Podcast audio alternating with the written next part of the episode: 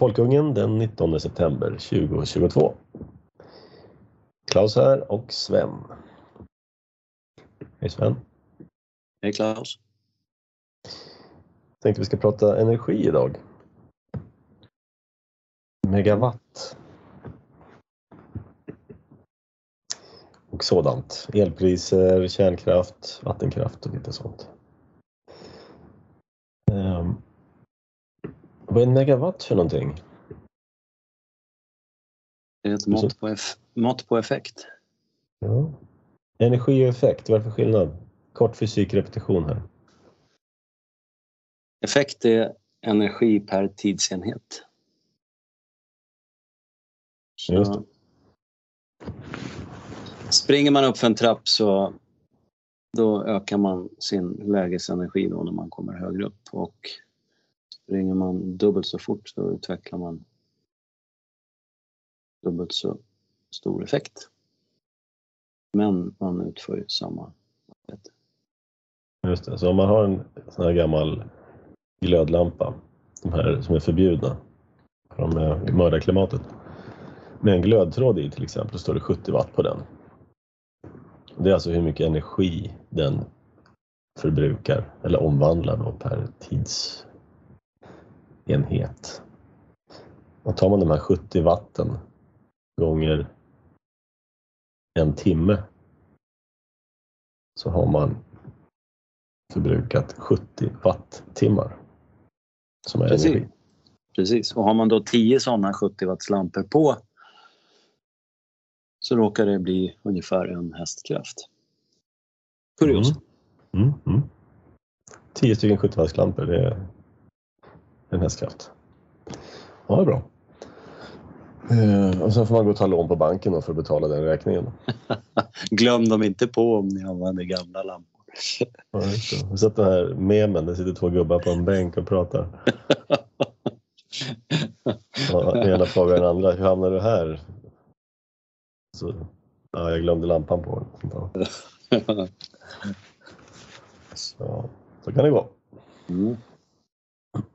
Ja, vi har ju en intressant energisituation här i Europa som jag har eh, försökt sätta mig in lite grann i.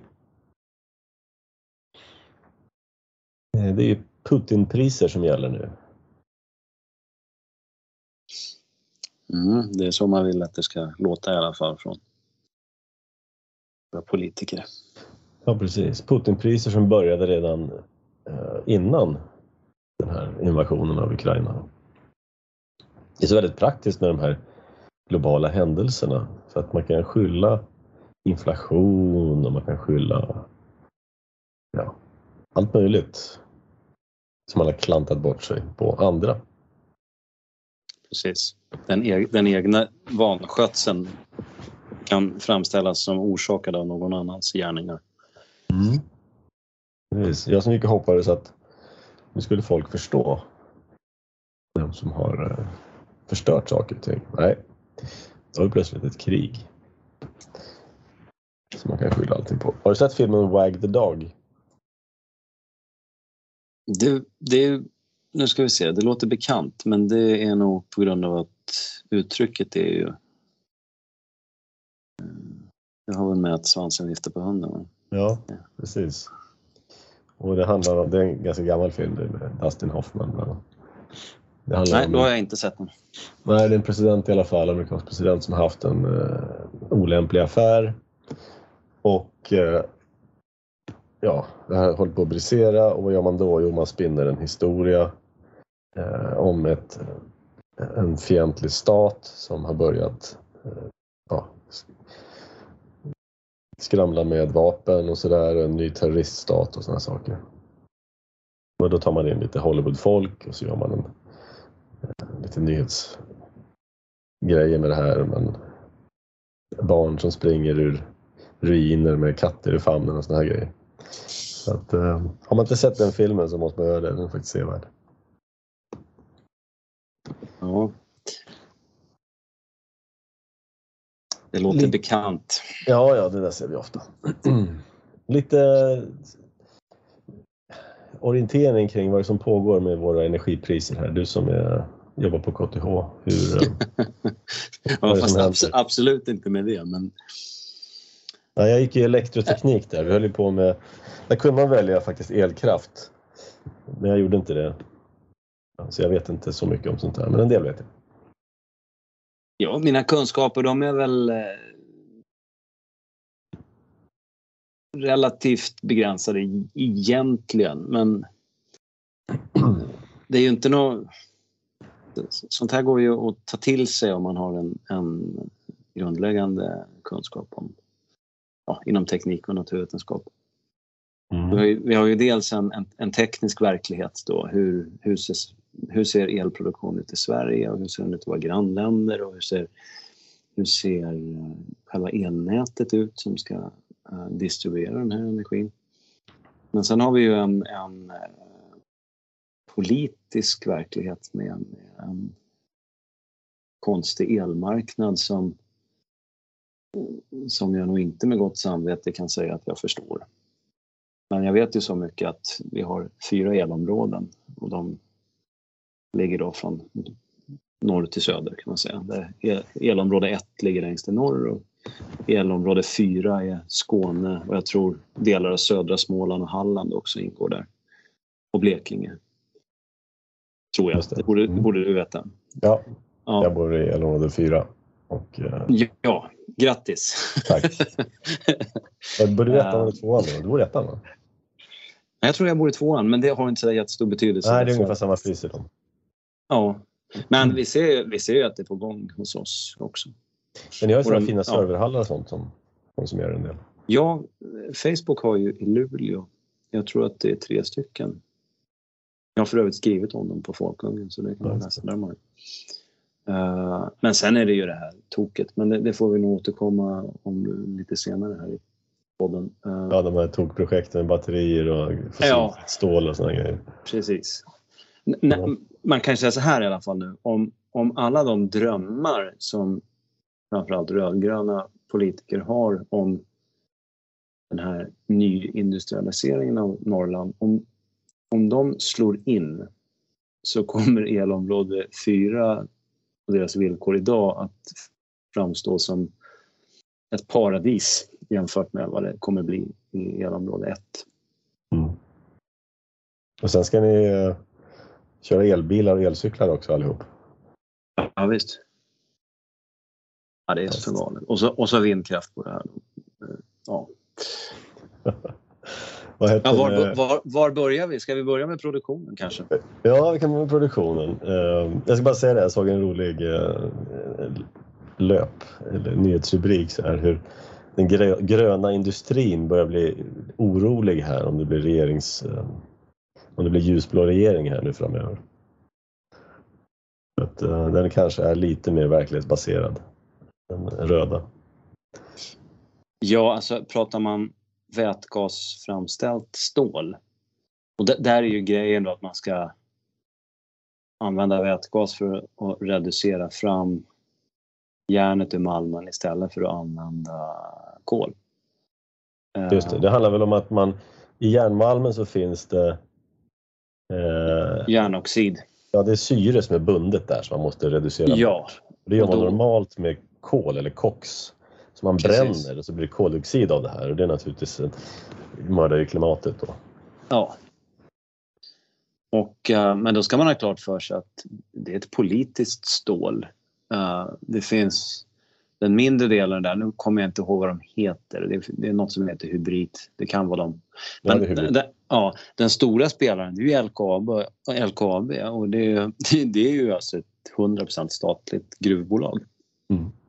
Uh, så det är ju inte så att det finns någon marknad egentligen bakom det här som har sagt att ge oss vätgasstål nu.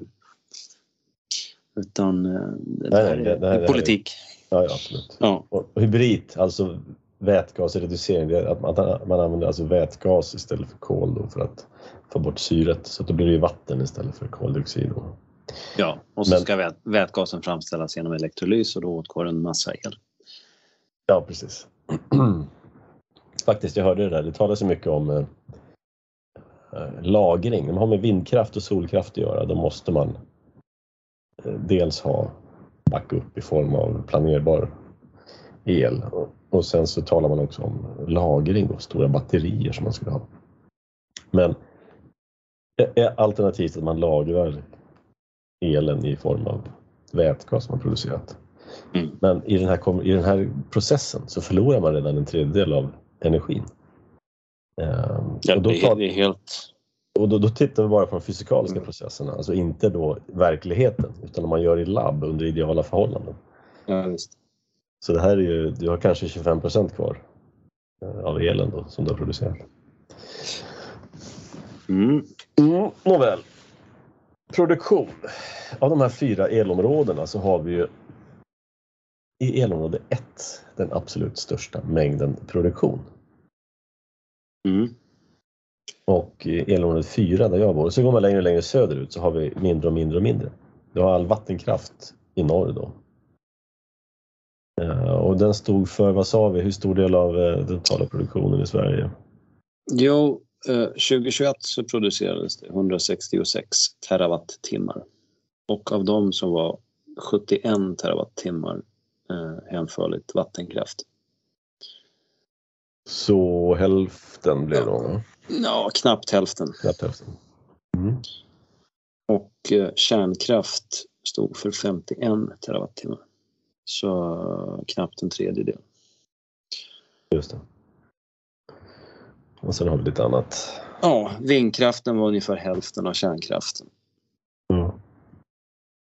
Och sen har man då, och det kan vara bra att veta för folk som inte kanske aldrig har tänkt på sånt här, men Eh, kraftvärmeverk är en rätt så naturlig del av de flesta kommuners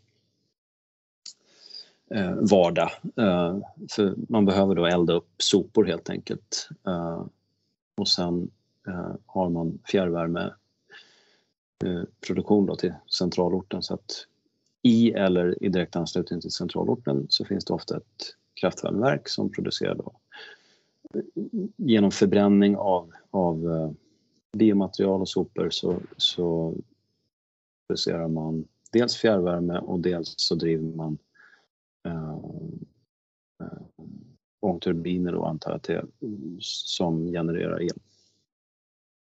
Ja, det här, det här är lite en intressant parentes i sig. Sverige är ju stor importör av sopor. Ja, det är vi.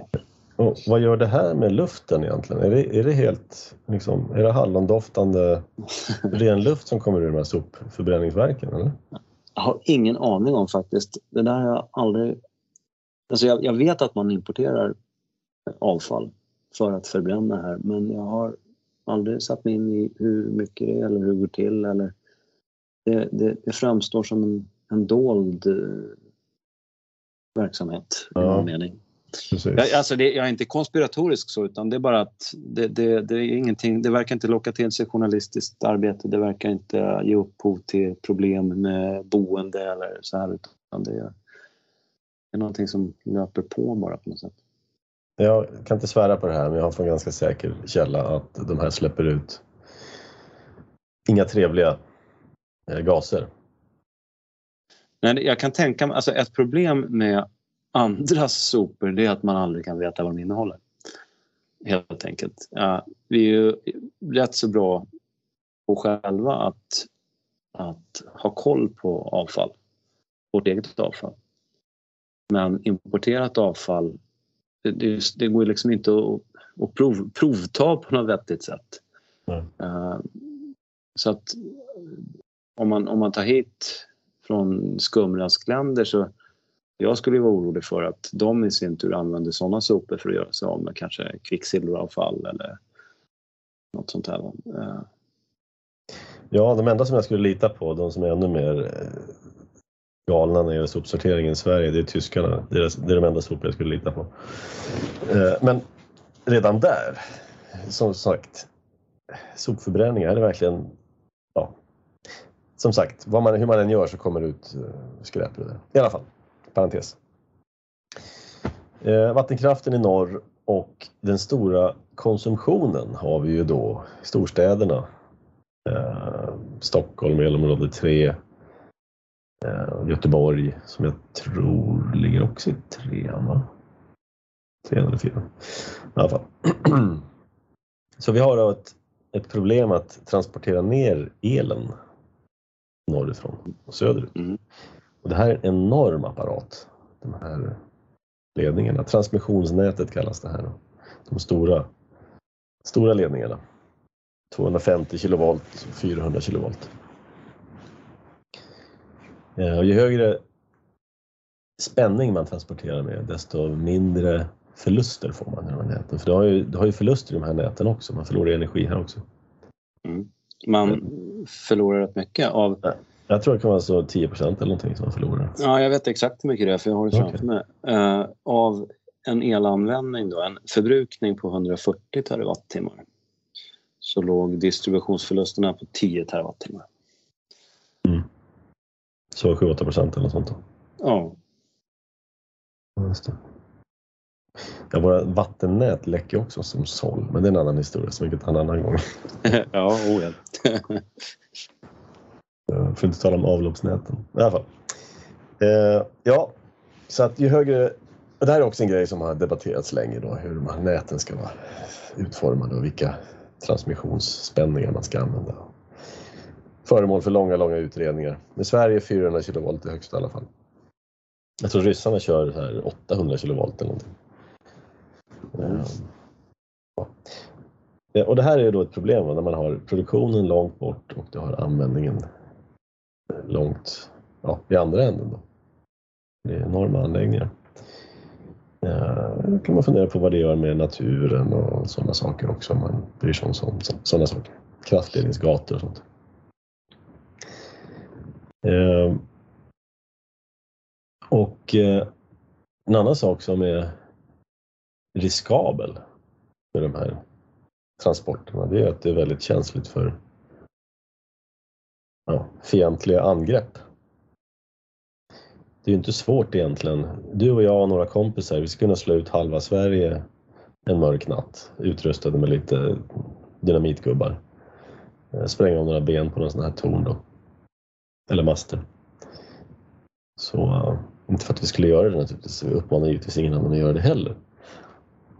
Men eh, det går att göra och jag kan tänka mig att potentiella fiender har full koll på de här grejerna. Jo, det, det kan man nog utgå ifrån. Det finns väl en viss eh, redundans i det här nätet, i alla fall partiellt så att säga. Men, men eh, det är ju oerhört sårbart. Så. Ja, och egentligen finns det inte så mycket redundans heller när du kommer långt söderut. Och det är det som är själva upphovet till de här höga priserna i söder. Ja, jo. Att, Jo, att du jo, inte det- kan överföra den energin som efterfrågas. Ehm, så att det är ingen jätteredundans i de här näten tror jag inte. Den här, kan- Det var en av de här länkarna, sydvästlänken som det heter, har ju varit en lång, lång politisk eh, ja, långbänk innan man fick till den. Mm. Vi kan väl säga det att man brukar prata om tre typer av produktionsslag. Baskraft, eh, reglerkraft och intermittent kraft. Mm. Där, där baskraft är det är sånt som kan rulla på och ska rulla på hela tiden. Kärnkraft, kolkraft, eh, gasdriven kraft. Uh, gas kanske kan användas som reglerkraft också. Men, men det är kraft där man installerar en effekt och sen uh, kör man ut den i princip. Reglerkraft, det är kraft där man kan kraftproduktion där man kan variera på ett naturligt sätt. Eh, inom vissa ramar kan man säga. Eh, effekt, ja, hur stor produktion man har. Och det är vattenkraften i Sverige. Eh, där kan man välja hur mycket vatten man kör genom. Hur mycket man tappar ur dammarna och hur mycket man leder vid sidan om och hur mycket man kör genom turbinen.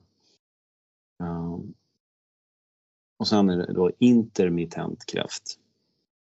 Som är ett elände. Eh, det stora eländet. Det vill säga, det är kraft som bara genereras ibland och som inte går att planera. Vind och sol. Eh, framförallt i Sverige.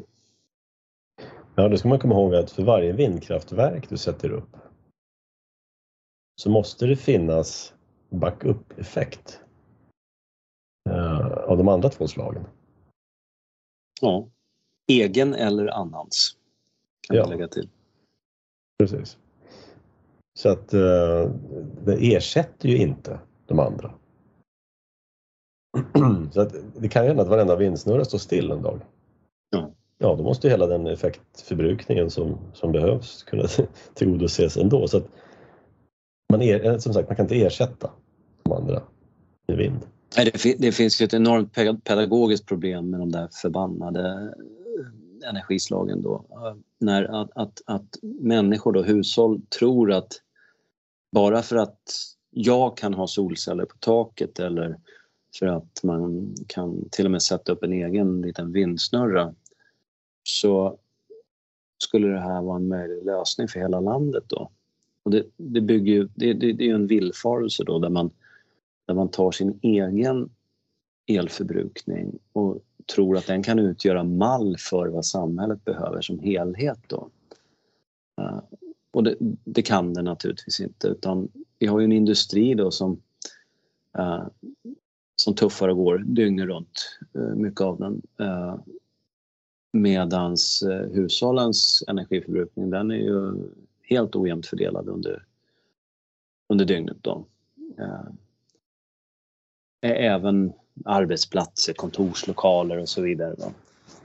Jag, jag sitter på ett kontor just nu där man på kvällen så stänger man av en stor del av ventilationen. Då drar inte fläktarna i, i ventilationsaggregaten någon el och man, man släcker ner och så vidare. Och, och, ja. Men så ser det ju inte ut på en fabrik som kör produktion dygnet runt sju dagar i veckan. Så, Nej, besök gärna ett valsverk någon gång och klura lite grann på hur många vindsnurror och solpaneler behövs för att driva de där maskinerna. ja, det är där livets oändligheten när, när, på natten då vad gäller solkraften. Mm. ja. Nej, så att, eh, och industrin, ja, visst du kan spara el hemma. Släcka lite lampor och inte kolla på Netflix kanske eller någonting sånt. Va? Eh, Bygga en koja under köksbordet och sådana grejer. Men industrin funkar ju inte så. Du kan inte köra maskiner med el ibland. Alltså, du pajar, maskinerna pajar, de, de, de fungerar inte så, tunga maskiner. Och och det gör ju också att man kommer in på det här med eh, frekvens. Om du går in på eh, Svenska kraftnäts sida så kan du se på eh, frekvensen i elnätet. Vi hoppar lite grann här men eh, vi ska ju ha 50 hertz svängningar, 50 svängningar i sekunden på växelströmmen i eluttagen och på elnätet. Och det gäller hela Sverige. Faktum är att det gäller hela Europa. Det sammankopplade elnätet som vi kommer komma in på också. Och om du belastar elen, alltså nätet mer, drar du mer el ur den, då kommer alla turbiner och sånt bli trögare att rotera de här och det kommer sakta ner. Du får öka på vattenflödet i vattenkraftverken, du får öka på, ja, kanske lite på kärnkraftverken, kan skruva på lite extra. Eh, för att upprätthålla de här 50 hertzen. Om du inte har det, det finns ett spann som är acceptabelt, men 49 hertz, då är det katastrof. Eh, Om du kommer ner till det. Eh, Och kommer ännu längre ner, till, redan vid 49 hertz tror jag maskiner börjar gå sönder. Ja, och, och luften går ju liksom ur hela systemet. Ja. Eh, Det är ju som att, man kan jämföra med en förbränningsmotor. Man kör bil. Om man, om man kör på för hög växel då i förhållande till, till, till belastningen i en uppförsbacke eller någonting så kommer man ju till en punkt när motorn börjar hacka. Mm. Och, och, och det är exakt, eller exakt, men det, det, det är jämförbart med, med vad heter det, el. Eh, Man har ju i genereringen av växelströmmen så har man ju en roterande massa. Mm. Eh, I alla fall i de bra produktionsformerna. Vindkraften är ju då, den har inte den här svängmassan vilket eh, är ett problem. Ja, det där är en väldigt viktig faktor som eh, också är inte speciellt känd. Den här rotationsmassan eller svängmassan som det heter. Varje gång du kopplar in en, en grej eller tänder en lampa så drar du mer energi och då mm. blir det trögare. Eh, och det gör att frekvensen sjunker en aning på nätet.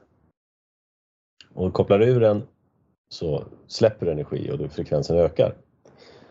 Eh, de här stora tunga roterande turbinerna de gör ju att det trots att det blir en tröghet i systemet, så att även om du kopplar på ett valsverk så ja, sjunker inte frekvensen till 49,5 Hz utan du har fortfarande en rotation i de här turbinerna som upprätthåller den här frekvensen. Då. Så att man har några sekunder på sig att reglera, att öka vattenflödet och så. Eh, och det där finns bara i energi hos energiproducenter med stora turbiner. Det är kärnkraftverk, det är vattenkraft, det är kol och ja, olja och gas kanske också. Då. Men absolut inte vindkraft och eh, trots att den roterar, eh, så fort det slutar blåsa så slutar den rotera. Och det finns heller inte, absolut inte hos eh, sol, solkraft, för där är det ingenting som snurrar. Jag kan säga, det här det är väldigt tydligt när man som... Jag, jag jagar ju då och, och bland annat på ett område som har vindkraftverk uppsatta. Och när, när det är en dag där det, ska man säga, blåser, när det är byig vind så så blir det här, eller det kan vara extremt tydligt hur, hur de här vindsnurrorna då går upp och ned i varv. sen har man ju då en, en kraftelektronik som ska kompensera för det här så att, så att spänningskurvan som kommer ur de här vindkraftverken ska då uppfylla den, de krav man har. Det ska vara 50 hertz och så vidare. Rätt amplitud och, och det där är ju...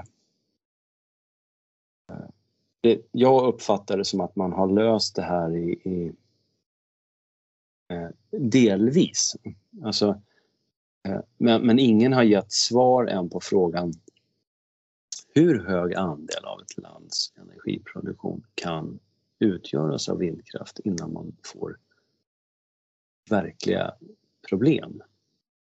Därför att vid, vid överproduktion så kan man stänga av vindsnurren eller ja, frikoppla dem eller vad man nu gör. Uh, så, så det går ju att hantera. Men, men uh, finns det en andel där problemen blir liksom oöverstigliga? Om man har 50% vindkraft i elnätet, vad händer då? Liksom? Ja, det kan jag tala om för dig. För Danmark, de har inga berg, alltså har de ingen vattenkraft. Och heller ingen kärnkraft. Sverige och Tyskland är de som balanserar det danska elnätet. Ja. Gratis. Det är eh. bra för våra danska vänner. Ja, precis. Så att eh, de har inga, inga roterande massor så att säga. Så att vi i Sverige och Tyskland har väl fortfarande kvar tre kärnkraftverk till nästa vår. Gör väl det där. Efter det vet jag inte vem som balanserar. Det är kanske Sverige ensamt som gör. Um. Men, Men historik, eh, historiken här är väl, vi har ju nämnt elområde 4, de har ju hiskliga priser. Och det kan, elen kan då kosta säg 40 öre kilowattimmen Eh, Eh, i elområde 1 och 2 då, som utgör i princip Norrland. Och sen kan den ligga samtidigt på eh, 3 kronor eh, kilowatten i elområde 4. Och det är bara för elen då. Sen tillkommer ju nätavgifter och skatter och eh, så vidare. Eh, och det här beror ju då på den här fake-marknaden, håller jag på att säga. Men på, på den här elmarknaden där man har kopplat upp elområde 4 mot Tyskland.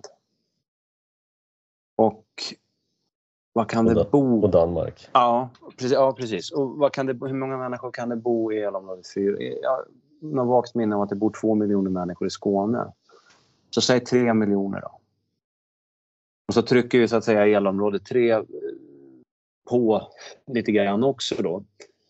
Men i Tyskland då har man ju inom en rimlig distributionsnärhet så att säga så har man ju alltså tio gånger så många eh, konsumenter förmodligen. Och vad som händer är ju då att i ett, energi, i ett elkrisande Tyskland så kommer priset i elområde 4 i Sverige sättas på marginalen av eh, tysk efterfrågan. Ja, jag kan, eh, jag kan dra lite grann hur de här elområdena uppstod en gång i tiden. Eh, Men innan jag säger det så vill jag bara säga en sak som jag inte vill glömma. Jag skrev en liten text om det här för några veckor sedan på, Folkung Folkungen just om eh, Eh, det här med att eh, vissa hävdar ju att nej, nej, det finns ingen brist på el i Sverige.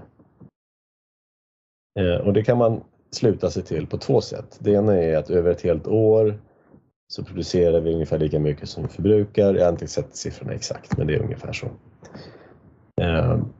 Men det är också dumt, dumheter därför att eh, årets total är ju inte intressant. Du måste ju varje ögonblick kunna försörja dig på el. Mm. Eh, så det, det är det ena dumma argumentet, att vi inte har någon brist på el. Det andra som är ännu dummare, det är att men vi exporterar ju el. Mm. Alltså har vi ingen brist. Eh, nej. och, och då var min poäng i den här texten att man har, vi har varken brist eller överskott. Därför att så länge som priset sätts på någon typ av marknad, och vi ska kritisera den här marknaden sen, men det är någon typ av marknad vi har i alla fall på Nordpol eh, där priset sätts. Och om priset sätts på en marknad så kan du inte ha brist, inte heller överskott. Därför att alla som är villiga att betala 10 spänn kilowattimmen eller vad det nu är på toppen ibland, ja men de får ju el. Och de som inte vill betala det där priset, de får ingen el. All, alla, som har, alla som är villiga att betala får. Alltså kan du inte säga att det finns någon brist.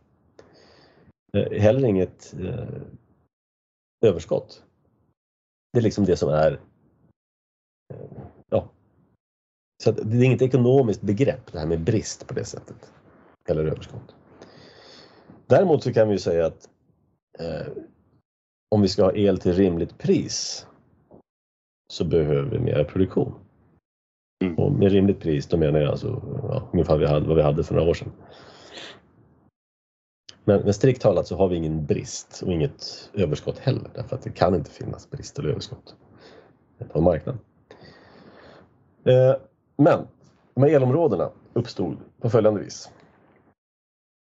En gång i tiden så tittade Danmark på Sverige och sa Vore det inte fint om ni satte upp en reaktor där någonstans i Barsebäck? Så vi kunde få köpa kärnkraftsel av er utan att behöva ett eget kärnkraftverk. Eh, jo, men det kan vi göra, sa svenska politiker. Det, det låter som en bra idé. Så byggde man Barsebäck. Och sen när det här kraftverket gick och snurrade så kommer de här kärnkraftsskräcken då på 70-talet. Då tittade danskarna över sundet och sa men ni har ett kärnkraftverk där väldigt nära oss. Där får ni stänga. Jaha, ja, ja okej, då gör vi det, sa svenska politiker. Eh, och sen försvann det där. Och så försvann också då elproduktionen från det verket.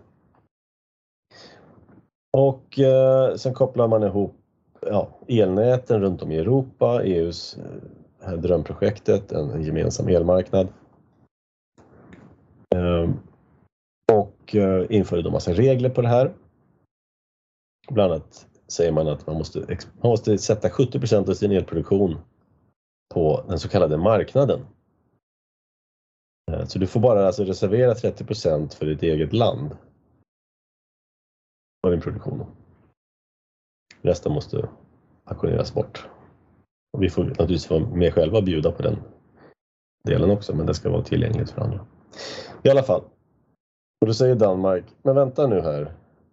Eh, varför ska vi betala högre pris för elen än vad svenskarna gör? Jo, men eh, säger förklarar svenskarna då att jo, men alltså, vi producerar el för oss främst. Men ni får ju köpa överskottet. Nej, nej, nej, nej säger EU, det där går inte. Man, man får inte gynna sig själv, sin egen nation, sitt eget folk i den här unionen. Vi är alla europeer. Jaha, så man får alltså inte ha nationella elpriser. Och då hittar Svenska kraftnät på en lösning. Eh, och det här är inte den enda möjliga lösningen, man hade säkert kunnat lösa det på annat sätt. Men man, det startades någon utredning om det här då i EU och så vill man föregå den här och så sa man att vi gör så här, vi delar in Sverige i fyra elområden. Eh, då har vi inte längre nationella elpriser. Vi har fyra nationella elpriser. Ja, okej, okay, säger jag. Det funkar. Eh, men då är som sagt Danmark, Tyskland uppkopplade mot elområde 4. Eh, och så har man då på Nordpol prisauktioner varje dag om eh, morgondagens elpris varje timme i de fyra olika elområdena. Eh, och då köpare och säljare möts och så försöker man komma över det. Då, då är det då marginalpriset, alltså det högsta priset som någon är villig att bjuda. Det är det som blir priset i elområdet en viss timme. Och det här är också en intressant parentes då. Jag har varit i diskussioner med folk på olika ställen. Ja, men som hävdar att de höga priserna beror på manipulation av elmarknaden. Det är det högsta priset som någon är villig att bjuda som blir priset för alla. Eh, det är ingen manipulation. Så, så funkar det på en marknad och det hade inte varit något problem om eh, Alltså på en marknad, om priset är högt så tillkommer nya producenter. Och så trycker man ner priset för att säljarna vill sälja och försöker sänka sina priser så långt de kan och fortfarande göra vinst. Problemet här, och då får man inte det här problemet med att det högsta priset sätter priset för hela elmängden. Mm. Därför det kommer hela tiden tryckas ner det här priset. Men eftersom det här är bara en marknad på prissidan och inte på produktionssidan. Utbudet är ju politiskt kontrollerat. Precis. Utbudet är centralplanerat. På en marknad så svarar ju producenterna på prissignaler. Men det kan de inte göra här därför att det är staten som bestämmer hur mycket el som ska produceras. Eh, så att det är inte en avsiktlig prismanipulation på elmarknaden utan det är en konsekvens av att produktionen är centralplanerad samtidigt som försäljningen är, ja, inom citationstecken marknadsbaserad. Då.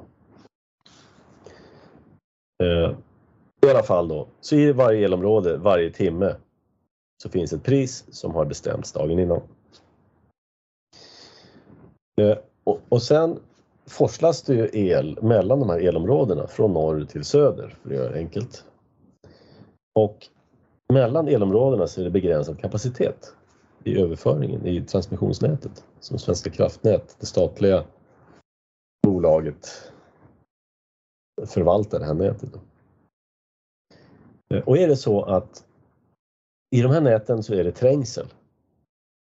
Vilket gör att man kan inte få ner all den el som efterfrågas i södern eh, det efterfrågas mer än vad nätet kan, kan bära.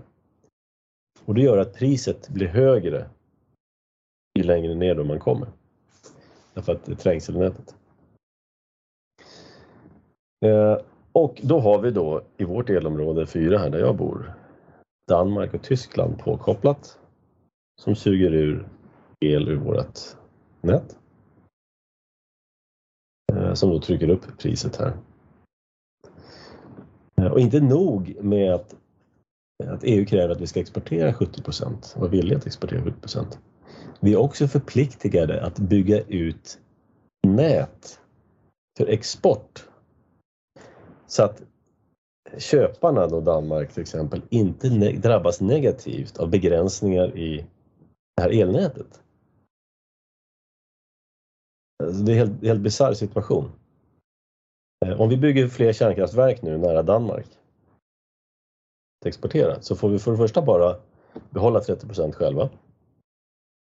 Eh, och för det andra så måste vi också bygga ut kapacitet så att danskarna får köpa el till samma pris som vi. Mm. Mm. Det, det, där är ju eh, också högaktuellt på grund av vindkraften. Där, ett exempel det är havsbaserad vindkraft. Där har ju politikerna då tvingat Svenska kraftnät att stå för fiolerna när det gäller så att säga servisledningen till eh, sån produktion. Servisledningen, det heter ju inte det, men jag kallar det servisledningen är ju från elskåpet in till villan. Eh, och, och jag menar att eh, den ledning som ska koppla upp en havs havsplacerade vindkraftparken med mot då elnätet, den kommer skattebetalarna få pröjsa. Man ska komma ihåg det att elnätet, uppkopplingen till de här vindsnurrorna, det är en enorm komponent av ja. kostnaderna. Alltså vindkraft, för den som aldrig har funderat på eller sett en vindkraftpark i, i verkligheten så man måste förstå att det är en areal näring. Alltså jämförbar med jordbruk och skogsbruk. Det, det åtgår enorma arealer för det, alltså för produktionen av den, den vara man producerar. Och sen ska de arealerna då kopplas ihop till en Alltså en vindkraftpark, den, den, den, den, där kopplas Förenklat uttryckt så kopplas vindkraftverk, vindkraftverken ihop då i någon slags um, subnät. Och sen så går det ihop till en eh, matarkabel då som ska häktas på eh, själva blodomloppet då så att säga och få iväg den elen då till, till vart den nu ska. Och det här är liksom det är en tokig idé. Eh, annars, man skulle kunna tro annars att, att eh, ja men vindsnurrorna är liksom, de står ju placerade glest så det här blir någon slags naturlig då eh, småskalig lokal elproduktion. Men, men, men, det blir ju inte det därför att det 50 vindsnurror ska liksom kopplas ihop till en ledning och så ska den ledningen ut på nätet. Det blir enorma vägar, ledningsgator och så vidare. Det, det trotsar liksom allt förstånd och man aldrig sett det här riktigt med egna ögon så, så, så jag tror inte ens man kan föreställa sig hur det ser ut. Och i andra änden, den andra extrema änden då, det är att man har ett gigantiskt kärnkraftverk som alltså, har en vida större effekt än, än, än något av de kärnkraftverk vi har idag. Och, och det löser ju inte heller våra problem. För att då kommer de här överföringsförlusterna in den elen går liksom inte att få iväg över hela landet. Utan de bra, och goda exemplen, de finns ju emellan de här två ytterligheterna. Eh, att man har en, en, en, någon slags mediumproduktion då. Eh, Vattenkraft kan det vara, men det kan även vara andra saker som vi kom, nog kommer in på lite senare. Mm. Precis. Jag har ju jag bor ju på en ö här. På andra sidan ön så finns ett stort företag som heter NKT. Det heter förut ABB Cables. De, här är nu, de har ett stort torn där de, liksom, de drar upp kabel där och så gör de, eh, ja, när de lägger på isolering på den. De har precis byggt ett nytt sånt torn som är dubbelt så högt. Det är drivet av eh, havsbaserad vindkraft som har en enorm efterfrågan på de här kablarna. Då. Mm. Eh, en av mina favorithistorier förresten, jag jobbade med, med, med gruvor en gång i tiden. Eh, det var en guldgruva uppe i Lycksele-trakten tror jag. som låg lite på vischan. Och när man anlägger gruvor så måste man alltid ställa sig frågan hur långt är det till infrastrukturen? Det vill säga hur långt är det till vägar, järnvägar, hamnar för det är tunga grejer som transporteras. Mm. Och hur lätt är det att få hit el och vad kostar det? Det här låg på vischan. Det fanns inte några liksom, rejäla kablar då dit. Då. Eh, Men då kom man på den här briljanta idén att om vi bygger ett vindkraftverk här, då betalar skattebetalarna anslutningen till nätet från det här vindkraftverket. Fast de kommer ju dra mer el inåt än det här vindkraftverket kommer att leverera.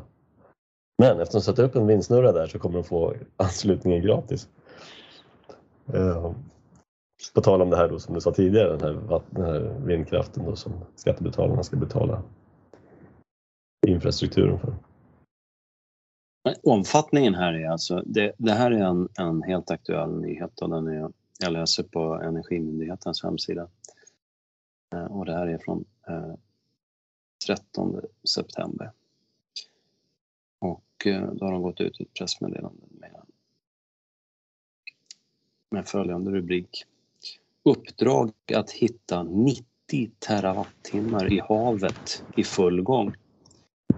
Och det, är alltså, det handlar då om att eh, eh, hitta områden, eller föreslå områden kan vi nog säga, i svenska vatten. Då. Bottenviken, Bottenhavet, Östersjön, Västerhavet. Eh, där man ska bygga, projektera och bygga eh, vindkraft.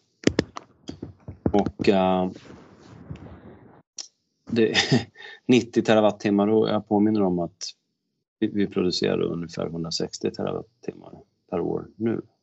Och det är alltså från, vind, eh, från samlade då vindkraft som ju är nästan uteslutande på land idag. Eh, vindkraft, eh, vattenkraft, kärnkraft, kraftvärme. Det är liksom galna. Det, det här, vi, vi pratar om att förvandla svenska hav bortom fattningsförmåga. Liksom. Plötsligt har miljön ingen betydelse när man ska rädda miljön. Nej, precis. Det, det är en ideologisk låsning här som är...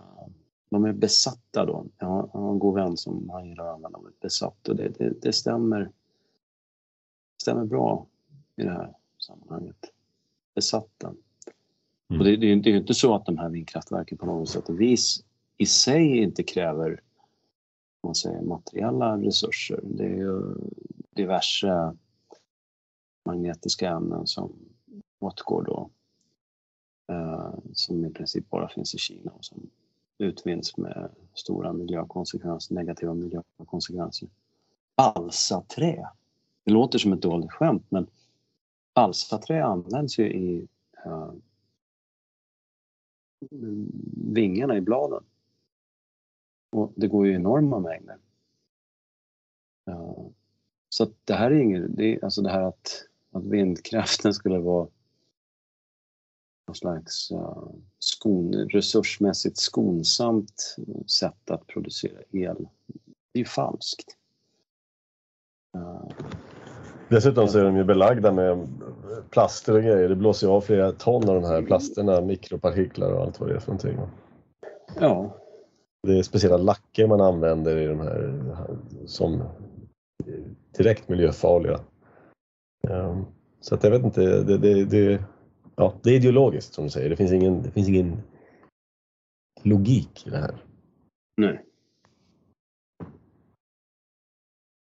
Det är mycket märkligt. Ja, ehm, nej som sagt så elnätet där det kostar ju som sagt. Eh, Jag vill bara säga det så här. Man, man kan tycka att vi borde ha ett Sverige-gemensamt pris på el. Ehm, Det är naturligtvis inte tillåtet enligt EU då, men att det inte skulle vara någon skillnad på priset i norr och söder. Eh, det, det kan man inte Eftersom elen måste transporteras långt söderut så är det rimligt att den elen kostar mer. Därför att det måste byggas infrastruktur och den måste betalas på något sätt. Eh, och gillar man inte att det ska kosta mer i södern, då får man bygga mer kraftverk i södern. Man inte belastas av den här, ehm, ja, transportkostnaden. Mm. Det är som att tycka att en banan i Afrika ska kosta lika mycket som en banan i Sverige. Alltså den måste transporteras och någon måste betala för det. Men, och det, det, är lite grann det som var tanken med de här elområdena också, att de skulle återspegla då eh, transportkostnader och eh, ge prissignaler som skulle eh, stimulera och, och, och, tala om vilka utbyggnader som behövs. Nu är det bara så här att Svenska kraftnät de brukar tjäna kanske en miljard per år i vinst. Och i år så räknar man med kanske 90 miljarder i vinst. Um, jag vet inte riktigt om man är monopolist och tjänar 90 miljarder på kapacitetsbrister. Hur, hur stimulerad blir man att bygga ut kapaciteten då?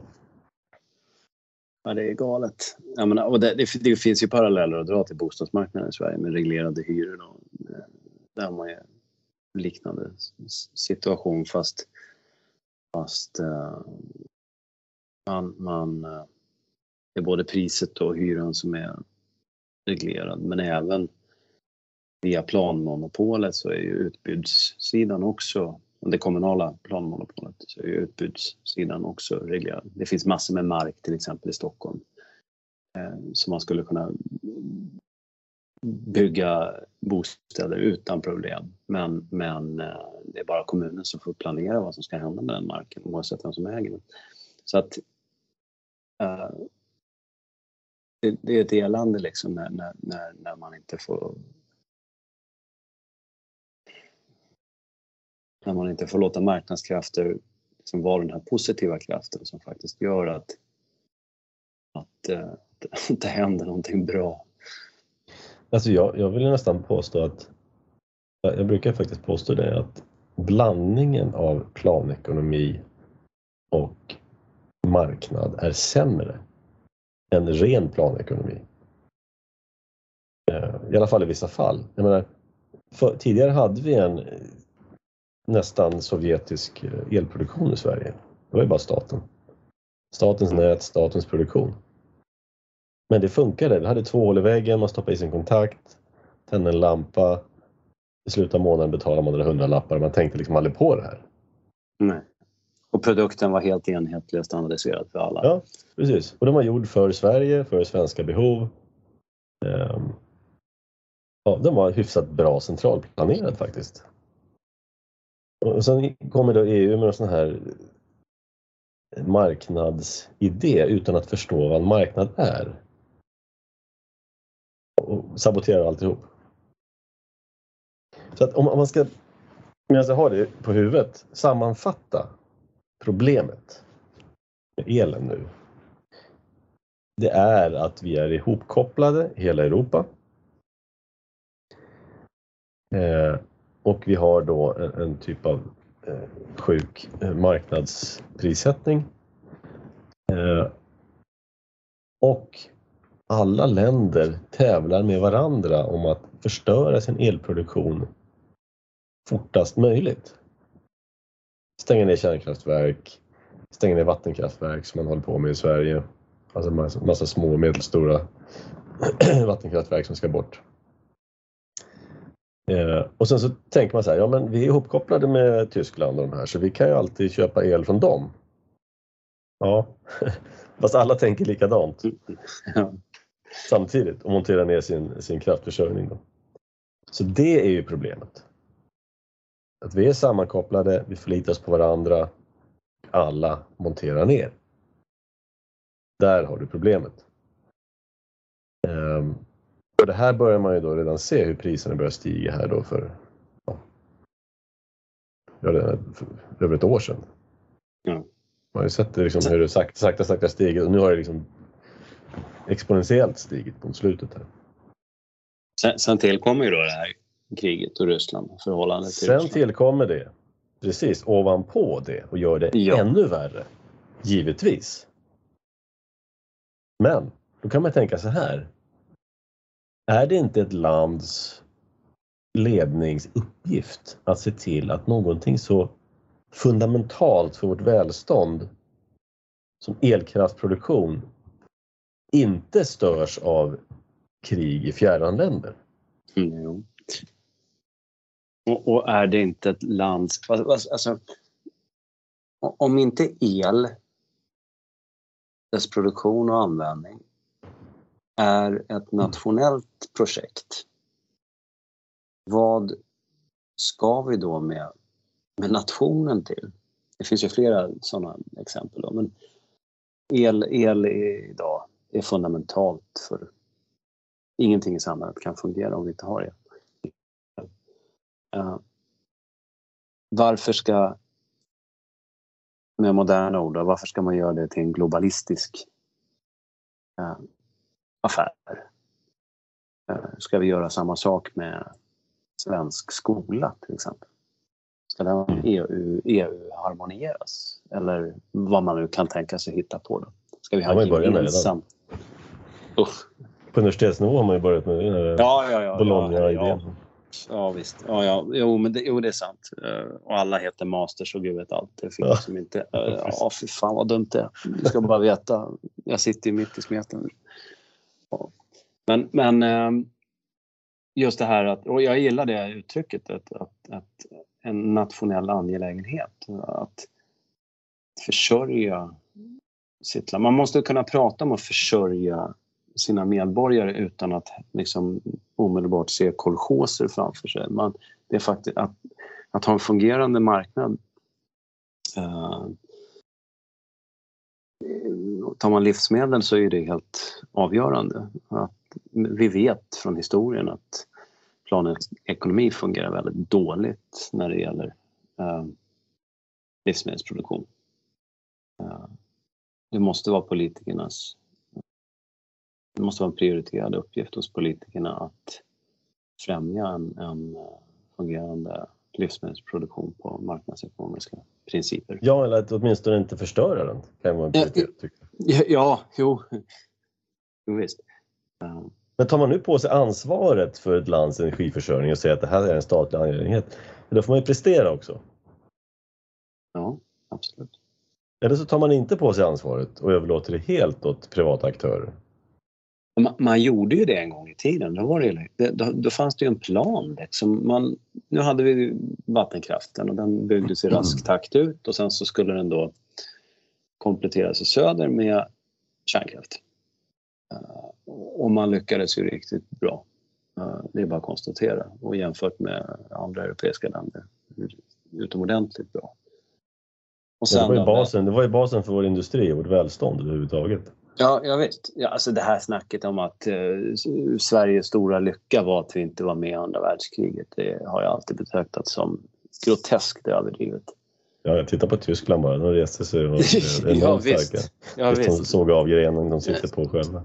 Ja, så att det, det, nej, Sveriges lycka det har ju varit att vi har haft eh, tillgång på billig energi och vi har haft råvaror att förädla. Och så har vi varit duktiga på att. Det är tyvärr då under förändring. Men det, där har vi varit. Och om man får nämna några ord om Ryssland så det är för mig en gåta alltså. Ryssland sitter på fantastiska naturresurser. Det, det, de, de, de, eh, jag tror att de exporterar tre gånger mer olja än vad de själva förbrukar till exempel. Då ska man ha klart för sig att i USA där är det jämnt skägg mellan produktion och förbrukning. Och dessutom tror jag att den amerikanska oljan kostar mer i energi att producera än den ryska oljan. Uh, och Ryssland har naturligtvis ingen brådska att göra sig av med sin olja. Nu har man ju, en konsekvens av kriget är ju att man har minskat försäljningen tror jag av fossil energi, då, både olja och gas. Men man har ökat sina intäkter för att priserna har gått upp. Uh, och ja, som sagt, Ryssland har ingen brådska. Alltså, vad som än händer med dessa sanktioner mot Ryssland, hur mycket lidande eh, det ryska folket än kommer åsamkas, då, ekonomiskt lidande av, av det. Så när, när liksom den politiska krutröken i någon mening skingras både internationellt och i, inne i Ryssland så finns all denna gas och olja kvar. Och det här är någonting som många, tycker jag, speciellt borgerliga debattörer, de har liksom inte fattat det. De lever i någon slags jävla drömvärld där det inte finns materiella realiteter.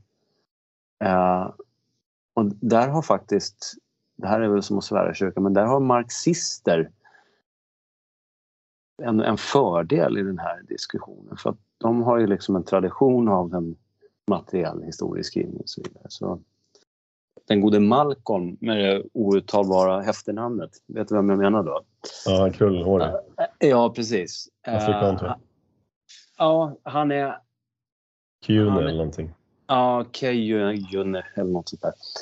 Han äh, ligger långt ifrån mig politiskt. Äh, men just när det gäller det som sker här ekonomiskt så är det faktiskt väldigt intressant att följa han på Facebook. För att han, han har ju den här materiella synen på, på det hela. Att det finns materiella realiteter som liksom trumfar alla, alla goda intentioner och, och ställningstaganden och moral och, och allt sånt här. Men, eh, eh, och det har vi i, i väst glömt bort på något sätt, uppfattar jag. Mm. Det är oerhört farligt därför att med sådana makthavare så gör man ju en, en så riskerar man ju helt enkelt att de, de förfar då omdömeslöst med, med vårt land helt enkelt. Uh, och, och, och, och, begår misstag helt enkelt i, i, i sin förvaltning. Och, uh, det har man ju bevisligen gjort också den här tron att om man bara lägger... Menar, i, i, I forskningsvärlden, i den miljö jag vistas i dagligen så, så där, där blir man snabbt varse, och det finns massor med exempel genom historien att det går inte alls att forcera fram forskningsresultat genom att bara pumpa in pengar i verksamheten. Så att när man pratar om att ställa om då och så är man sån här teknikoptimist som säger liksom ja det är bara att forska så kommer en lösning på det här. Det, det, det, är, det är sånt dravel. Va? Eh, det stämmer inte. Hade, hade det varit sant då hade, vi idag, då hade det idag funnits ett piller som hade gett oss evigt liv. Det hade funnits en rad andra saker som är oändligt efterfrågade. menar, vad kan vara mer efterfrågat än mirakelkuren som ger dig en livslängd på 300 år istället för att ditt liv är utmätt efter kanske 80. Då. Uh, det har, vi har inte kommit närmare det idag än vad vi var för 50 år sedan. Nej. Nej. Så att sådana makthavare, det, det, är så oerhört farligt. Och, det, och det, det, är, det här jag beskriver nu, det, är så, det, det kan verkligen tillämpas på energiproduktion därför att där, där är det verkligen teknik det handlar om. Va? Och att alla de här tekniska problemen som uppstår då, de, de, ja, men det går att lösa. Det, det, det, vi fixar det. Uh, nej, det, är inte riktigt så enkelt. Så att, uh, ja. det här är, det är väldigt komplexa system. Bara, bara det att synkronisera de här 50 hertzen över hela elnätet. Fatta vilken apparat det är. Ja. Det, ja. Nej, men sen ska man också komma ihåg att energi det är ju säkerhetspolitik också. Ja, visst. Men du kan inte driva ett krig eller ett försvar utan olja.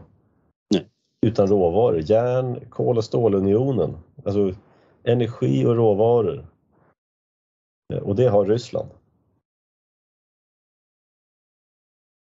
De, eh, ja, de har inga resursbrister. Nej men precis. Det, det, och, och då, då försöker man skydda sig då. Eller man, man Eh, Eh, man letar ju då efter någon slags optimism i, i, i, i den här konflikten då. Där vi, vi vill så gärna att de, de dumma korkade ryssarna, nu ska de stå utan och då är det ju halvledarna, det vill säga eh, elektroniska komponenter helt enkelt. Och det kommer de säkerligen lida brist på. Uh, för det är... Det tror jag inte, de har ju Kina. Ja, de kommer få in en, en, de kommer få in bakvägen via Kina och Indien och även andra länder. Det kommer de få. Men det kommer vara rätt svårt för dem och problematiskt och krångligt och så här. Uh, och det kan ju i en krigssituation när man behöver få fram vapensystem helt enkelt i en viss takt. Annars riskerar man att liksom förlora kriget. Så kan det bli oerhört pressande. Men, men det är ju en västanfläkt emot det faktum att de har den här enorma fossila energin. Alltså, och även andra råvaror. Då. Eh, det, det, det, går inte ens att jämföra. Och de behöver inte oroa sig för en, en, ett totalt nederlag därför att, vilket också då glömts bort, de har kärnvapen. Eh, minsta liksom... Det, det, det, man kan inte vinna ett krig mot en kärnvapenmakt. Nej. Det, går liksom inte. och det är precis de här sanningarna från kalla kriget som, i alla fall du och jag växte upp med, de, de, de, de verkar ha gått förlorade på något sätt. Mm. Alltså, i samma stund som man hotar att verkligen liksom invadera eller totalt krossa Ryssland så, så blir de ju fullkomligt livsfarliga för oss i resten av världen. Uh, ungefär som arabvärlden skulle stå uh, utanför Jerusalems portar liksom. Då, då kommer det hända någonting, det fattar alla för att Israel mm. har kärnvapen. Det, så är det, ja, det är mycket märkligt alltihopa. Men energi, säkerhetspolitik, absolut. Mm. Inget snack. Men det löser vi med vindsnurror. Roterande drömfångare Och sen, sen våra stridsvagnar kommer ju då... Eller vi kan ta bandvagnar då. Vi har ju BAE Systems, före detta Hägglunds, det ligger ju i Örnsköldsvik. Där jag bor. Och eh, uh, synnerligen uh, eh, bra grejer som byggs där. Och de är jätteduktiga. Men eh, att de kommer köra bepansringen i vätgasstål, att det är prioriterat, det håller jag för högst otroligt. det är inga miljöhänsyn som gäller när det är krig? Eh, nej, nej, nej. Ja, det är så jäkla galet. Ja, vi jobbade, när jag gjorde lumpen så gjorde vi, det var i luftvärnet. Då hade vi här laserstyrda robotar som man skjuter mot uh, flygplan. Mm. Det kunde varenda rysk flygplan i alla fall. I det här det finns ett sikte då som man höll i med två händer och tittade i ett prisma. Så där. Ganska stor låda, 70-talsteknik. Och det här skulle kylas då med eh, en kylning, den här lasern skulle kylas. Så då skulle man spruta i freon. Så det var, jag hade stora flaskor med freon som man skulle köra in i det här. Ja. Och vi som hade växt upp med det här eh, bluffmiljökrisen och miljö, ozonhålet. Vi bara, åh får man göra så här? Jajamän, i krig får man göra vad man vill. så att eh, ja, det är inga miljöhänsyn direkt. Um, ja, det var väl det om hur det fungerar. Har vi glömt något? Priserna, produktionen, så det är en låtsasmarknad vi har, men bara i ena änden, bara i försäljningen. Vi har ingen marknad i produktion, där är det centralplanerat. Eh, sen är det EU som har pajat alltihop genom att bygga ett nät och sen så har vi fyra energiområden, elområden och sen så har vi nedläggningar av välfungerande elproduktion. Så då får vi höga priser. Eh, jag ska säga det också att prisdifferenserna som uppstår i de här elområdena, det beror ju alltså på att överföringskapaciteten inte räcker till för att transportera den el som efterfrågas. Då får du olika priser i de olika områdena. Om du tittar på prislistan på Nordpol så är det indelat i fyra områden. Ibland så ser man exakt samma pris i två intilliggande elområden. Det betyder att överföringskapaciteten räcker. När den inte gör det, då får du olika priser i de olika områdena. Mm. Och eftersom kapaciteten är begränsad ner till ja, särskilt elområde 4 då, och danskarna har rätt att köpa el till samma pris som, som jag. Då får vi då höga, höga priser. Och de här prisdifferenserna mellan områdena, de hamnar rakt ner i fickan på Svenska kraftnät. Så det är därför de tjänar sådana ohyggliga, mängder, ohyggliga pengar.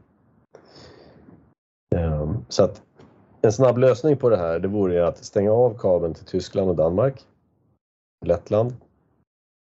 Ehm, behåll elen i Sverige och sen så skrotar vi elområdena. Får betala lite mer, hög, lite mer pris i södern på grund av att näten kostar och så vidare men absolut inte de här hiskeliga nivåerna. Och sen ger man EU fingret då för att de kommer naturligtvis säga att det inte är tillåtet. vad ska de göra? Invadera oss? Ja, precis.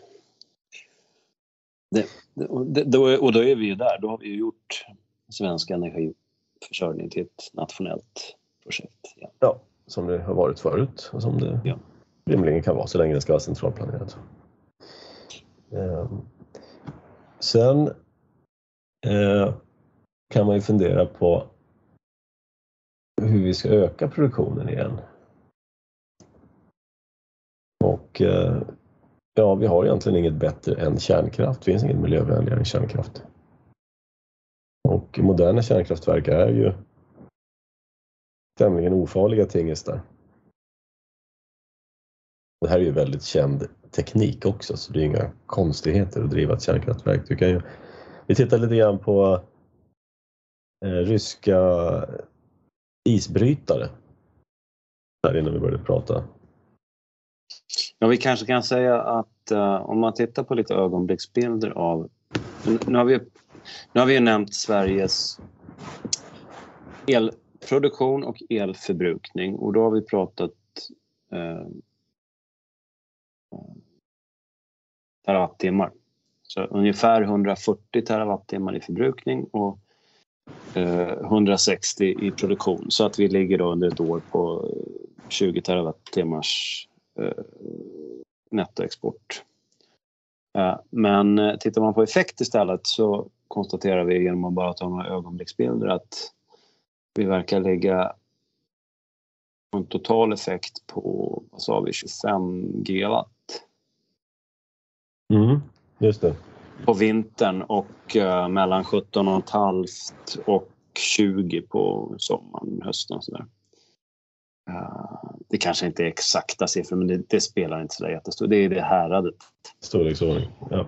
Ja, och då ska man ha klart för sig att, vad sa vi, Oskarshamn ja, låg på en gigawatt. Ja, 1,4 gigawatt. 1,4, ja. Det är Sveriges kraftigaste eh, anläggning. Det fanns tre där, det finns en kvar, Oskarshamn. Mm. Och det jag misstänker du vill komma till är de här moderna små kärnkraftsreaktorerna då? Ja, de här eh, Small Modular Nuclear Reactor, vad den heter. Nuclear SMP tror jag den heter. Um, som har, brukar ha en, de brukar sätta gränsen på deras effekt på ungefär 300 megawatt, det vill säga en fjärdedels, en tredjedels Forsmarksreaktor ungefär. Ja. Och det är då den här liknelsen kommer med ryska isbrytare. Det finns 30 år gamla ryska isbrytare som har kärnkraftsdrift. Eh, där varje fartyg har två stycken reaktorer vardera på 170 megawatt. Så att, ja, så tillsammans ungefär en sån här liten SMP-modul. Ja. Och det, det, det, är ju faktiskt någonting att slänga i ansiktet på de här människorna om slaget det går inte. Är omöjligt.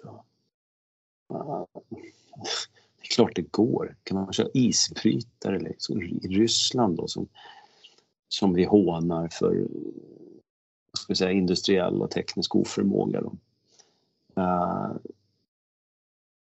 så naturligtvis så att man kan bygga motsvarande reaktorer på land i Sverige. Alltså på 50-talet så hade man till och med planer på att göra atomdrivna bilar i USA. Alltså personbilar. Ja. Så att, uh, klart det, det finns ett amerikanskt företag. Det är många som, faktiskt flera som jobbar på de här SMP-reaktorerna då. Uh, och det finns ett företag i USA som heter Newscale som har fått i stort sett alla tillstånd klara för att börja producera sådana här reaktorer. Och fördelen med de här är att de är alltså fabrikstillverkade. Eh, så att köp en, ställ ut den där du vill ha den. Slå på strömmen, anslut liksom. Eh, de stora kärnkraftverken, de enorma kärnkraftverken som vi har byggt i Sverige och i stort sett alla andra länder. De är ju platsbyggda. Mer eller mindre. Ja, det, ja, det är ju one of eh, lösningar i, i någon mening som är Ja. enormt projekteringsarbete och ja, Här har vi nu perfekt ju, en sockenreaktor. Till varje socken. Perfekt. Ja, många som de är på 300 megawatt sa vi. Ja, Så det är tre stycken per, per eh, 1000 megawatt. Då, så det blir 60 stycken på 20 gigawatt. Vi har 290 kommuner. Nu är det naturligtvis väldigt olika elförbrukningsbilder i olika kommuner då, eftersom de är olika stora. Men, men eh, någon omöjlighet är det inte. Nej, och i och med att de är fabriksbyggda så blir de ju, det blir massproduktion, det blir billigt, det blir välbeprövat, stabilt, reservdelar, billigt, enkelt underhåll, behöver inga tekniker. Ja, man kommer nog behöva tekniker men, men i, i gengäld så kommer man ha det kommer vara en industri som har en sån kritisk massa att den kan underhålla och reproducera en, en, kunnig arbetskraft. Alltså, Absolut. ja, så att eh, det är ju, om man jämför den, det jag jobbar med i halvledarvärlden så har ju Sverige förlorat väldigt mycket av den industrin man hade. Man hade via Ericsson ändå några fabriker liksom. Och uh, det fanns underleverantörsled då, det fanns uh, specialister då, hantverkarspecialister inom olika rör, alltså göra rörsystem med olika material och, och så vidare. Man, man hade byggt upp en, en kunskap och en praxis och en, en ja, i underleverantörsleden. Liksom. Men när det här lades ner, då, då får man liksom problem med tiden därför att branschen har nått en sån liten nivå då att man, låg nivå, omsättningen är så låg så att det kan inte eh, själv eh, hålla igång då en sån här arbetsstyrka liksom inom de här olika områdena. Uh, Alltså det är en hel värdekedja som man slår undan benen på. Ja, precis. Ja, och där, där, det, det, kan inte, det, det är ju det här som vi, vill jag hävda då, det här är ett litet sidospår, men det är ju det här som vi har varit så duktiga på i västvärlden. Att vi har byggt upp liksom som skrån nästan då, fast utan de, gamla skråsystemens eh, negativa delar. Så har vi haft den här en kunnig, praktisk och duglig arbetskraft inom olika områden som har eh, även i någon mening varit lite autonom då, klarat av att på egen hand fatta beslut och så vidare. I Kina så, så har man ju inte den traditionen då. Nu har de, nu har de ju gjort remarkabla bedrifter där ändå, va? men, men eh, de bygger ju inte om vi håller, dröjer oss kvar i halvledarindustrin så de bygger upp en halvledarindustri och de gör det jävligt fort. Eh, men det är, de bygger ännu inte maskinerna som används i produktionen. Eh, så att vi har i, i västvärlden förlorat väldigt mycket av vår halvledarproduktion. Den har flyttats till Asien. Men det finns fortfarande många företag som tillverkar maskiner som används i produktionen av halvledare mardrömmen är att vi förlorar det också. Ja, alltså, man jobbar sig ju bakåt hela tiden va? i den här värdekedjan. Man börjar med att flytta, de tar över produktion, sen tar de över även eh, utveckling inför produktion och sen så är väl nästa steget att ta över maskinerna som ja. Producerar. Precis. Så att det är mer och mer som flyttar över. Men, men, men, skulle man då överfört till den här tänkta kärnkraftssituationen i Sverige skulle man eh, ha då x antal sådana här reaktorer så eh, har man ett två, tvåsiffrigt antal så tror jag att redan där så skulle man kunna bygga upp eh, den typen av, sån här, av, av, av kompetens då som, som, som krävs. Ja precis, det här som jag nämnde, det här SMR, eh, nu sa jag SMP förut, SMR heter det. Small Modular Reactor. Newscale i USA, de, i slutet på, innan det här årtiondet är slut, så sätter de upp sin första eh, reaktor i Idaho i USA. Eh, jag vet att det finns ett svenskt projekt som heter Blykalla också. Liknande tror jag med blykylda reaktorer. Så det händer grejer. Det här tycker jag är väldigt, väldigt spännande och positivt. För då kan vi få till en distribuerad, decentraliserad elproduktion. Vi slipper de här långa hiskliga transmissionsnäten. Ehm, det blir inte lika, det blir mer robust. Svårare för en fiende att slå ut ett decentraliserat samhälle.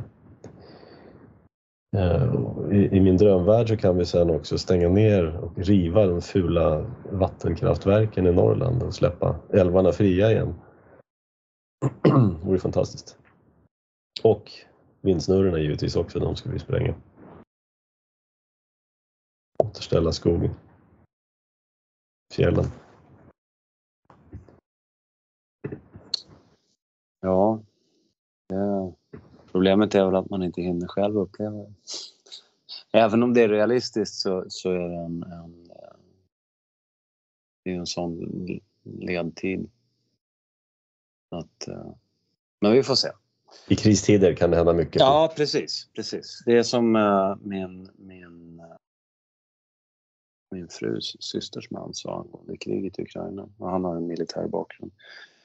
Han, han sa att i krig så är inlärningskurvan brant. Just det. Och det är man fort general. Ja, det är den naturligtvis av, av därför att man är därtill nödd och tvungen. Ja. Eh, ja, och anpassa sig och utvecklas och lära sig. Och om samhället blir, blir utsatta för sådana här roterande nedstängningar vad gäller el så, så kommer man nog rätt snabbt få rätt dramatiska förändringar, av, politiska förändringar. Och. Ja, det där har man ju uppgraderat risken för från möjlig till sannolik nu, att vi kommer få se det där. Ja. Roterande nedstängningar. Alla Afrika. Ja, det är så jävla rubbat alltihop alltså, när man tänker på det. Jag fattar ett civiliserat land som Sverige ska ha afrikansk elproduktion. Liksom. Nej, men, och sen, sen, sen, det har alltid stört mig då i den här klimathysterin och ältandet av, av eh, koldioxidutsläppsproblematik. Att i, i, man säger, i, i en vanlig balansräkning, en årsredovisning, så tar man ju upp tillgångar respektive skulder. Och så ska de här liksom balansera varandra. Det, det går ju att översätta till någon slags pros and cons. Men när det gäller fossila bränslen så får vi aldrig någonsin bokföra det goda de har gjort. Så om man, he, hela, he, hela klimatdiskussionen den bygger ju på det här världsundergångsscenariot. Därför att om man inte har det, då faller alltihopa. Mm. Om, man om man säger så här Lars Bern tycker jag brukar uttrycka det bra. Han säger att ja, människan påverkar förmodligen klimatet på så sätt att det blir varmare i världen. Men, lägger han till då, det är inte de här dramatiska effekterna som man påstår i det, i det rådande narrativet. Så om man skulle säga så här att ja men nu kan vi köra på med olja och kol här i åtminstone 150 år till. Uh, förmodligen så kommer temperaturen i världen stiga med x antal grader och så är det här x då mycket mindre än de här, mycket lägre än de här undergångsscenarierna. I en sån situation då, är det ju faktiskt, då kan man ju faktiskt börja ställa då det, det, det negativa, att det blir varmare då så att delar av världen kommer drabbas av det. Det kan man ställa mot de enorma fördelarna för, som de här bränslena har för att upprätthålla vårt välstånd. Mm. Men, men, den, den liksom balanseringen, då, den balansräkningen får ju aldrig göras idag. Och En konsekvens är att unga människor idag de är ju helt förvirrade och okunniga inför vilken betydelse oljan har haft och har eh, i samhället. Alltså utan den, den här billiga energin så så skulle vi inte vara där vi är idag överhuvudtaget. Hela jordbruket är ju bara en... en, en alltså, det, det, är så knäppt helt enkelt. Mm. Alltså, jag såg en rolig illustration på att tala om miljö. Eh, miljön, klimatnoja. Visste du att alla människor i hela världen kan rullas ihop i en gigantisk köttbulle som får plats i Central Park i New York? och så stod det så här, så stod det så här under. Är det inte otroligt att tänka sig att vi håller på att, den här köttbullen håller på att förstöra klimatet? Ja, tänker jag då. Det är så pass otroligt att jag inte ens kan tro på det. Ja, men visst. Och, det, det... Men, men det är det här, energiproduktion är ondskefullt. På något sätt. Det är det vi... Ja. Utom vindkraft då. Men annan energiproduktion är ondskefull. Men det här är också en intressant grej, vad vi skulle kunna göra med det här EU-nätet. Nu när det ändå finns där. Vi skulle kunna sätta upp massor med energi, eh, kärnkraftsreaktorer runt om i landet och i anslutning till de här exportledningarna. Vi skulle kunna bli en enorm elexporterande nation. Och tjäna massor med pengar på det här, sälja el till alla gröna tomtar i Tyskland och, och ja, ja, grisbönder i Danmark. ja, framförallt planerbar el då. Ja, det, det är det som är, är grejen. Och, och det här, men el är tydligen en annan typ av produkt. Man kan exportera bilar, det är jättefint att exportera bilar, det är fint att exportera musik och vad det nu är för någonting. Va? Men el är en magisk resurs som vi måste hushålla med. Vi måste bo under våra köksbord i filttält. Eh, därför att vi får inte förbruka så mycket el. Va? Men det är helt sjukt. Producera massor, sälj massor, tjäna pengar massor. Du, du är naturligtvis bekant med uttrycket vi får de politiker vi förtjänar. Ja, ja, ja. ja det har man ju hört då, liksom hela sitt liv i stort sett. Eh, det, det, är ju det är lite dubbelt det där uttrycket för att å ena sidan så är det ju korrekt men å andra sidan så är det ju någonting som kan översläta att, eh, vilka inkompetenta, dåliga makthavare som helst.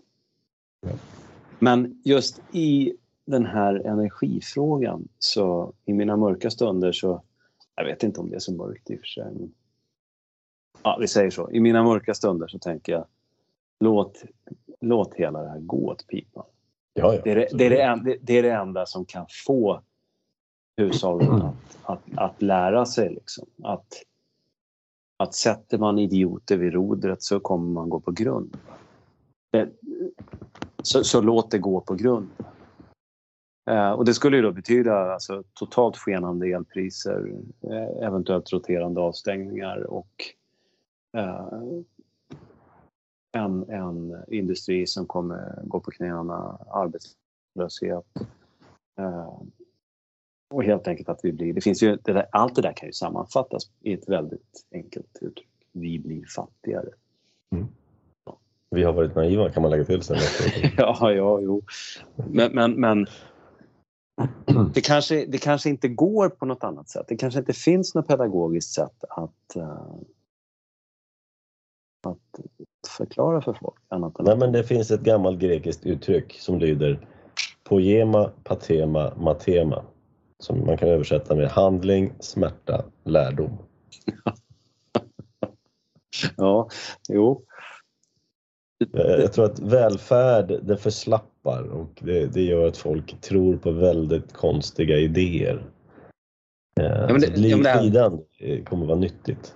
Det här drönarsamhället liksom att, att en, en, en så ansenlig andel av befolkningen sysslar med improduktiv smörja helt enkelt. Tänk dig vad skönt det ska bli när vi slipper alla de här bloggarna och influencers och alla de här. Ja, de, de tror jag är minsta problemet faktiskt. I, i, i, eh, och de flesta de tjänar väl inga pengar på det de gör heller. Så att, eh. Men, men, men alltså det här att vi betalar skatt för att att människor sitter med meningslösa administrativa uppgifter och ja, massa dumheter bara. Det, det är ju... Enorma kommunhus och enorma myndigheter. Ja, ja visst. Och, och att eh, ta vilken statlig myndighet som helst och betrakta eh, betrakta hur, hur, deras eh, författningssamling bara, alltså deras regelverk som de producerar och som, som medborgarna ska följa, hur det bara sväller liksom. Mm. Uh, allt det där måste ju bort. Mm. Man kan inte hålla på så där. Det, det, det, det är en civilisations... Uh, jag vill ju inte vara jag vill inte vara pessimist och säga att nu är liksom den europeiska civilisationen helt förlorad. För det är ju den enkla vägen ut så att säga. Man anser sig förstå att eh, ja, nu är det slut. Liksom. Det här, eh, vi är dömda till att bli korkade och fattiga och nu, nu tar asiaterna över stafettpinnen. Liksom. Ordningen är återställd. Kina kommer återigen vara liksom, effektiva, moderna samhället i världen som de en gång var då, eh, för flera tusen år sedan. Men det är, en, det är en lite för enkel utväg tycker jag. Då. Utan jag, jag, jag vill gärna tro att det finns något sätt. Men självklart. Du behöver bara lidande. Ja, men precis. Bara hunger, rädda för arbetslöshet, konkurs. Sånt där är väldigt, väldigt välgörande. Det gör att ja. människor slutar tro på dumheter. En återställare i någon mening. Som, ja, som, ja. Det, det, det, det, är ju fascinerande. Alltså jag brukar tänka på min morfar som föddes då en av många syskon. Då, fattiga växte upp, fick bristsjukdomar som barn och sådär. Fick ynnesten att gå ett extra år i, i uh, folkskolan. Då. Men sen var det 14 år gammal, då var det ute i skogen och jobbade. Liksom. Och så blev han mm. byggnadsarbetare och deltog bokstavligen då i byggandet av välstånds-Sverige. Då. Var med och byggde Södersjukhuset tror jag. Mm. Uh, och sen han, han fick då två barn och min morbror blev professor i fysik. Där, där, hade man liksom på en generation så gick man ifrån torparson till professor i fysik. Mm. Och, och, och, sen är vi då inne nu kan man säga på jag är hans barnbarn då, då, då har det gått eh, tre generationer totalt då. Då har man gått ifrån att eh, 1910-talet med ett agrart Sverige, fattigdom, underutvecklad Europas bakgård och så vidare till eh, välfärdssamhälle, industriell makt, stor militär makt, åtminstone under två decennier eller något sånt. Och nu är vi i någon mening på retur igen. Ja. Inom loppet av tre generationer. Mm. Det, det, är helt makalöst alltså. Mm. Och det är ideologi som har styrt? Ja, ja visst. Vanföreställningar, ideologi. Ja. Och att man tillåter sig att ideologi och, och liksom filosofiska rättesnören och så där, det har ju funnits i, i tusentals år. Men, men, men vi har tillåtit dem att utgöra mall för hur samhället ska skötas rent praktiskt. De har fått lämna de har fått lämna skrivbordet och, och, och, och diskussionsvärlden och leta sig in i lagstiftning och gud vet allt. Det, det, det, finns ju överallt och det eh, liksom har infiltrerat precis hela samhället. Uh, på ett mycket, ska man, kan man, om man ska eh, nämna Ryssland igen då, Sovjetunionen, på ett mycket mer bedrägligt sätt än vad den totalitära kommunistiska idén egentligen gjorde. För där visste ju, där såg ju alla. Där, man ja, det såg man att det var ondska och dumt. Ja visst, alla visste att det här är ju tokigt och alla visste att om man inte följer det här då kommer det bli jävligt surt för en. Uh, och, och, och, alla visste att vad som stod i tidningen det var ju bara propaganda. Liksom. Ja, men sen när man gick hem så garvade man åt det där och berättade Sovjethumor är bland det roligaste som finns. Ja, visst. Eh, men här hemma, här i Sverige, här går man hem och så tror alla på det här fortfarande och ingen hånar det liksom vid matbordet. Det, det, Sverige är ju väldigt speciellt på det sättet. Alltså, Socialdemokraterna lyckades ju... Den här hårdföra nackskottskommunismen liksom, i Sovjetunionen lyckades ju inte döda kristendomen. Nej. Men, men, men uh, sossebatikhäxor har fullständigt förstört Svenska kyrkan. Det är frågan om man överhuvudtaget kan återhämta sig där. Ja. Det är helt, helt otroligt. Men det kommer bli en välgörande vinter. Vi har mycket att se fram emot och eh, det kommer bli mycket roligt här. Jag hoppas på en smällkall vinter, vindstilla. Eh, och eh, Tyskland kommer också bli väldigt intressant att observera som är mycket, mycket gasberoende. Italien ligger också risigt till. Också mycket gas. Eh, jag, såg Ja, det- såg att Italien var villiga, de anmälde sig frivilliga att med, mä, mäkla fred. Men vi måste säga där att det finns de som tror att eh, det råder sanktioner då i Tyskland mot köp av rysk gas. Det är inte fallet. Det, det, det är någonting som folk har fått för sig. Man, man blandar ihop saker och ting där. Att tyskarna köper gas men de köper det till ett våldsamt högre pris och bara när ryssarna är villiga att sälja den. Och det, det är ju det här sistnämnda som är problemet då för att eh, Ryssland vill ju naturligtvis utnyttja sin eh, position som någon slags energihovleverantör då till, till, till Tyskland.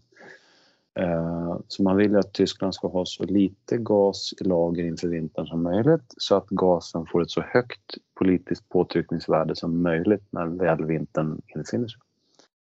Uh, Och, och, och då är vi där igen att det finns de som moraliserar över det här och så vidare. Det är ju helt meningslöst. Det är, ett fakt, det det är en realitet, det är en livets realitet att det pågår en konflikt med Ryssland och att Ryssland förfogar över de här maktmedlen. Det är ingenting som man kan älta bort med, med moralistiska argument utan det kommer att bestå och det kommer också bestå oavsett hur mycket man eh, har sanktioner mot Ryssland vad gäller övriga varor och tjänster och så vidare. Mm. Oavsett hur många oligarker man, eh, man belägger deras fartyg med kvarstad och, och, och fryser deras tillgångar och, och, så vidare. Va? Ja, och, och, samma släkting till mig som, som eh, pratade om en brant inlärningskurva i händelse av krig. Han, han eh, säger att ryssarna är experter på att lida. Ja, ryssarna kan lida. De kan leva på vitkål och rödbetor liksom, da- dag ut och dag in. Borsch, liksom. det är inga problem. Ja, visst, vodka och, och dåliga cigaretter och Ja, ja. så rö- rödbetssoppa, då är man hemma. Liksom. Vi kan inte lida. Det Nej. vi kommer få lära oss. Ja. Men det var en annan sak bara som jag, som jag tänkte på. Eh, jo, EU har ju i sin oändliga visdom nu diskuterar ju att införa pristak på gas. Det vill säga, om priset är högre än så här så tänker vi inte köpa. Okej, Ja, ja. Och- Okej, och- säger Ryssland då. Ja, kan, kan man ha pristak på livsmedel också? Det, det liksom, Men då hörde jag någon som faktiskt förklarar vad det där går ut på. Att det inte är riktat mot Ryssland utan mot Ungern.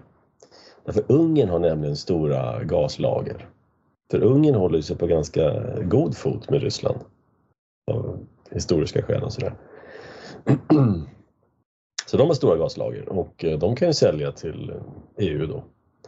Mm. Ehm, och de här pristaken då ska vara riktade mot Ungern, sa den här personen. Jag har inte verifierat det här men det, det, det är lite mer logiskt. Men samtidigt så hotar EU nu Ungern med att dra in alla bidrag och sånt. Så det här kan bli en väldigt intressant historia. Um, Ungern kan ju bli nästa exit ur EU om de inte får pengar. De har ingen anledning att stanna kvar. Liksom. nej, precis. Nej, de är, det är ju... Ungern är ju speciellt på det sättet. Mm. Att, eh, och det, det finns ju, de har ju inte heller några... De har ju inte speciellt varmt förhållande till Ukraina av den anledningen att det finns en betydande ungersk minoritet då i... Det borde bli sydvästra delen av Ukraina va? som gränsar mot Ungern. Och uh, den, ja, det här är ju som att svära i kyrkan nu för att nu ska man vara broderfolk med Ukraina och sådär men det är ingenting jag ägnar mig åt. Jag, jag är varken broderfolk med ryssar eller ukrainare. Jag tänker inte låtsas eh, några sådana dumheter heller utan eh, finnarna betraktar jag som en broderfolk. Eh, men hur som helst, Ukraina har behandlat sina minoriteter rätt illa. Eh, man har en rätt... Eh, den nationalistiska tanken i Ukraina har i sin... Jag vet inte hur man ska säga, men i sin iver att fjärma sig från det ryska arvet så har man låtit det även gå ut över eh, andra minoriteter. Och så att man har, många människor har fått helt fel bild av det här kriget. När, när alla skulle vara så solidariska med Ukraina så, så har man eh, fått fel så att säga, historisk bild av det hela. Det finns inga varma känslor mellan Polen och Ukraina heller. Historiskt, eh, tvärtom. Absolut inte. Polen har dessutom eh, sneglar nu på västra Ukraina och kanske eh, sig det lite här senare. Ja, det finns ju territorier där som är etniskt rensade på polacker men som tillhörde Polen. Ja, precis. Och, ja, och Ukraina deltog med liv i lust. Det var ett rätt ordentligt, ja, man får kalla det folkmord helt enkelt, på polacker i, i, under andra världskriget. Så att det är inte, det är inte så enkelt som man kan tro hela det här. Nej, det är det inte. Som sagt, det är mycket spännande här framöver. Bra. Jo, jag måste bara säga en sak innan jag, jag, jag, här, jag måste alltid säga allt som jag, allt som jag tänkt på. Eh, jo, men om vi har en, eh, jag går tillbaka lite på det här, en väldigt decentraliserad energiproduktion. Då behöver vi inte ha de här sammankopplade elnäten heller Det finns inget som säger att hela Sverige måste vara ett enda elnät. Det, det kan finnas fördelar att koppla ihop, att liksom fördela last tillfälligt i olika behov men i stort sett så kan man ha massor med separata elnät. Enda som är kanske tåget om man ska tycka att det ska vara ett enda elnät men det behöver inte ens vara det där. Det, det skulle vara intressant med för det är någonting som saknas idag. Som, det, det är märkligt. Energi, el, el är hyperaktuellt. Och det, det, har, det, det, har varit aktuellt rätt länge nu. Uh, den här kris... Uh, så den här eh, Stämningen som är nu, den är ju relativt ny då, men före det var det ju liksom den gröna omställningen och allt det där. Så att, vi har ju egentligen i 15 års tid så har det pratats väldigt mycket elproduktion även om det har lagts ner en massa tid på att prata om fel elproduktionssätt. Så, så, så har man pratat mycket om investeringar och omställningar och hit och dit. Men det märkliga är att man pratar ju sällan kostnad. Eh, vad, vad, kostar det att installera en viss effekt för mm. olika uh, man håller på och träter, ja det gör man. Eh, vad är dyrast och så här va? och vindkraften är billigast att få till snabbt. Det har ju varit ett argument. Ja, precis. Ja, men vad fan, det är ju avskrivning, alltså det är avskrivningen som är intressant. Och, och, det vill säga livslängden? Ja, så att man, man, man, kan ju liksom inte bara prata om vad man kan få till stånd fort och, och, och så här utan hur, och, och, det jag tänker på då när du säger att man kan koppla ifrån sig, det är ju att då, i, i ett decentraliserat Sverige då, med mindre enheter med självbestämmande som, så hur dyrt skulle det vara för en kommun då till exempel? Vi pratade om 60 stycken, stycken sådana här SMR, sa vi va? Mm. Uh, skulle då kunna ge den effekt som vi verkar ligga på ungefär idag. Uh, vi har 290 kommuner i Sverige.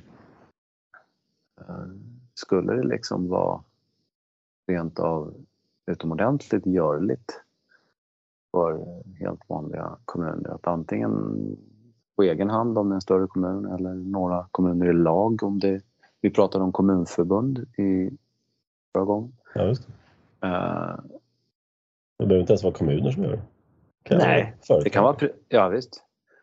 Uh, där har vi då ett problem med planmonopol igen. Då. Uh, det måste det... vi nästan ta upp någon gång. Uh, men, men, men, men, just att uh, man skulle kunna få en ekonomisk aktivitet ner på lokal nivå i energifrågan som uh, skulle vara intressant. Precis, och här ger mig två idéer till då som man måste ta. För det första, när man säger så här, vad, kost, vad, installerar, vad kostar en kilowattimme? Ja, vindkraft är billigt. Ja, okej. Okay. Men du subventionerar hela elnätet. Det, liksom, det perverterar hela kalkylen. Det är inte rättvisande. Ja, man skjuter kostnader på andra i, i, i kedjan. Liksom. Ja, precis. Och de andra är ju märkligt nog alltid skattebetalarna. Ja, det är det. De har ju ja. oändliga resurser. En annan sak då. Ta ett stålverk som SSAB som vill göra drömstål koldioxidfritt. Då, va?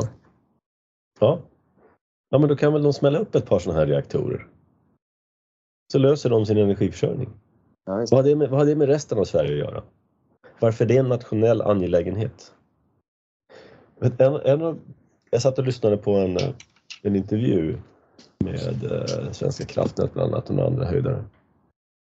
Och de har enorma problem just med det här centralplaneringsmomentet. Att försöka förutspå var kommer el att behövas tio år framåt? Ja, men där talas det om de här företagen och de här satsningarna och där, okej, okay, Ja, men då ska vi dra ledningar dit från vattenfallen här då. Och så ska det liksom projekteras och det ska handläggas och det ska godkännas av myndigheter och så vidare och så vidare. Och så kanske det inte blir någonting. Det här är så enorma svårigheter att planera det här, de, här, de här näten. Ja. Med, medan de här skulle ju kunna vara flyttbara till och med om man skulle... Det finns ett restvärde även om Ja, precis. Ja, ja. Och, och, precis som förr, man, företagen ägde sin egen elproduktion eller sin energiproduktion. Du, du, ja, du byggde någonting vid en, vid, en, eh, vid en fors någonstans, drev ett hjul, du ägde den vattenrättigheterna, och du ägde ditt kraftverk och du drev din fabrik. Det är helt naturligt. Så kan man göra om man är stor konsument. Man vill smälla upp en serverhall för Facebook eller Google. Ja men okej, köp ditt kraftverk, lycka till. Mm och lämna resten av Sverige i fred. Liksom. det... Ja, det, det, är så oerhört läskigt det här med, med, med vätgasstålet därför att fullt utbyggd så finns, jag har sett uppskattningar av att man kommer ligga på 45-50 terawattimmar elförbrukning på året. Och då kan man ta Sveriges total en gång till i jämförelse? Ja, 140. Okej, okay, så en tredjedel av Sveriges elproduktion för att göra det då?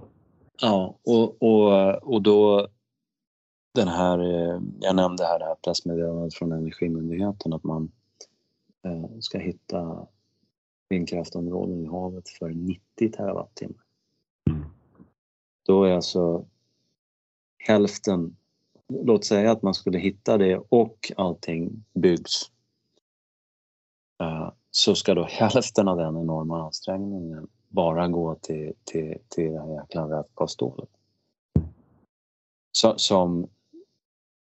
Alltså det är helt... Det, ja, efter det, att 70 procent har varit på marknaden också ska du komma ihåg. Ja, samtidigt som Kina...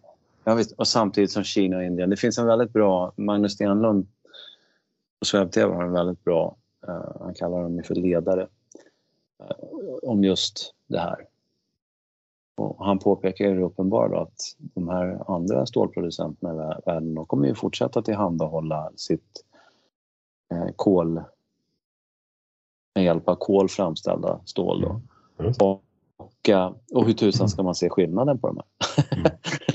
det, nej, jag ska bygga en maskin, jag köper det billigaste, bästa stålet. Liksom. Spelar roll. ja, precis. Det enda sättet att styra det här är att kräva att sånt som produceras i Sverige måste vara, eller EU, måste vara grönt stål. Då kan man liksom tvinga fram det här men det kommer inte vara konkurrenskraftigt. Det kommer inte gå att exportera sådana grejer. Ja. Ja, det, det, ja precis. Och, och, det är väl så det kommer gå till också, att man kommer eh, lagstifta på ett sånt sätt att det styr liksom, produktionen. Vi, vi, trodde att, vi trodde på något sätt att socialismen skulle komma genom att man helt enkelt hade jättehöga skatter och exproprierade och så vidare. Men, men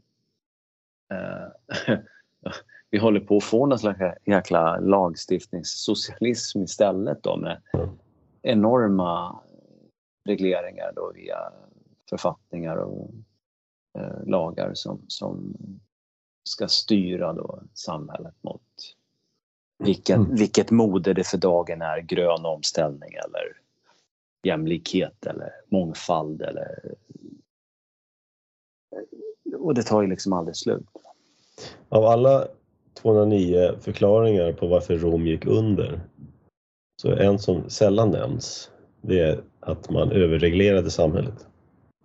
Blev, eh, man hade en juridisk fetisch för juridik um, och byråkrati. Och eh, det gjorde helt enkelt att det blev eh, ja, fattigt och inte konkurrenskraftigt och i slutändan inte kunde försvara sig. Så att man ska inte, det, är inte, det är på allvar de här grejerna. Jag vet inte om jag har nämnt det tidigare men det finns ett bra klipp med på, på, på Youtube där Peter Hitchens som är Christopher Hitchens var en sån här aggressiv ateist som ja, just det, just det. väldigt uppskattad i de lägren. Då. Jag har aldrig förstått det här att det skulle vara... Ja, jag har väldigt svårt för såna aggressiva ateister trots att jag inte själv är, är, är egentligen troende. Men, uh, men han har en bror då som, och Christopher Hitchens gick bort i cancer för ett antal år sedan. Så har han en bror som är väldigt konservativ och religiös, men som ung var marxist. Uh, han är rätt speciell den här Peter Hitchens. Han var korrespondent i Sovjetunionen och har sett en hel del av världen.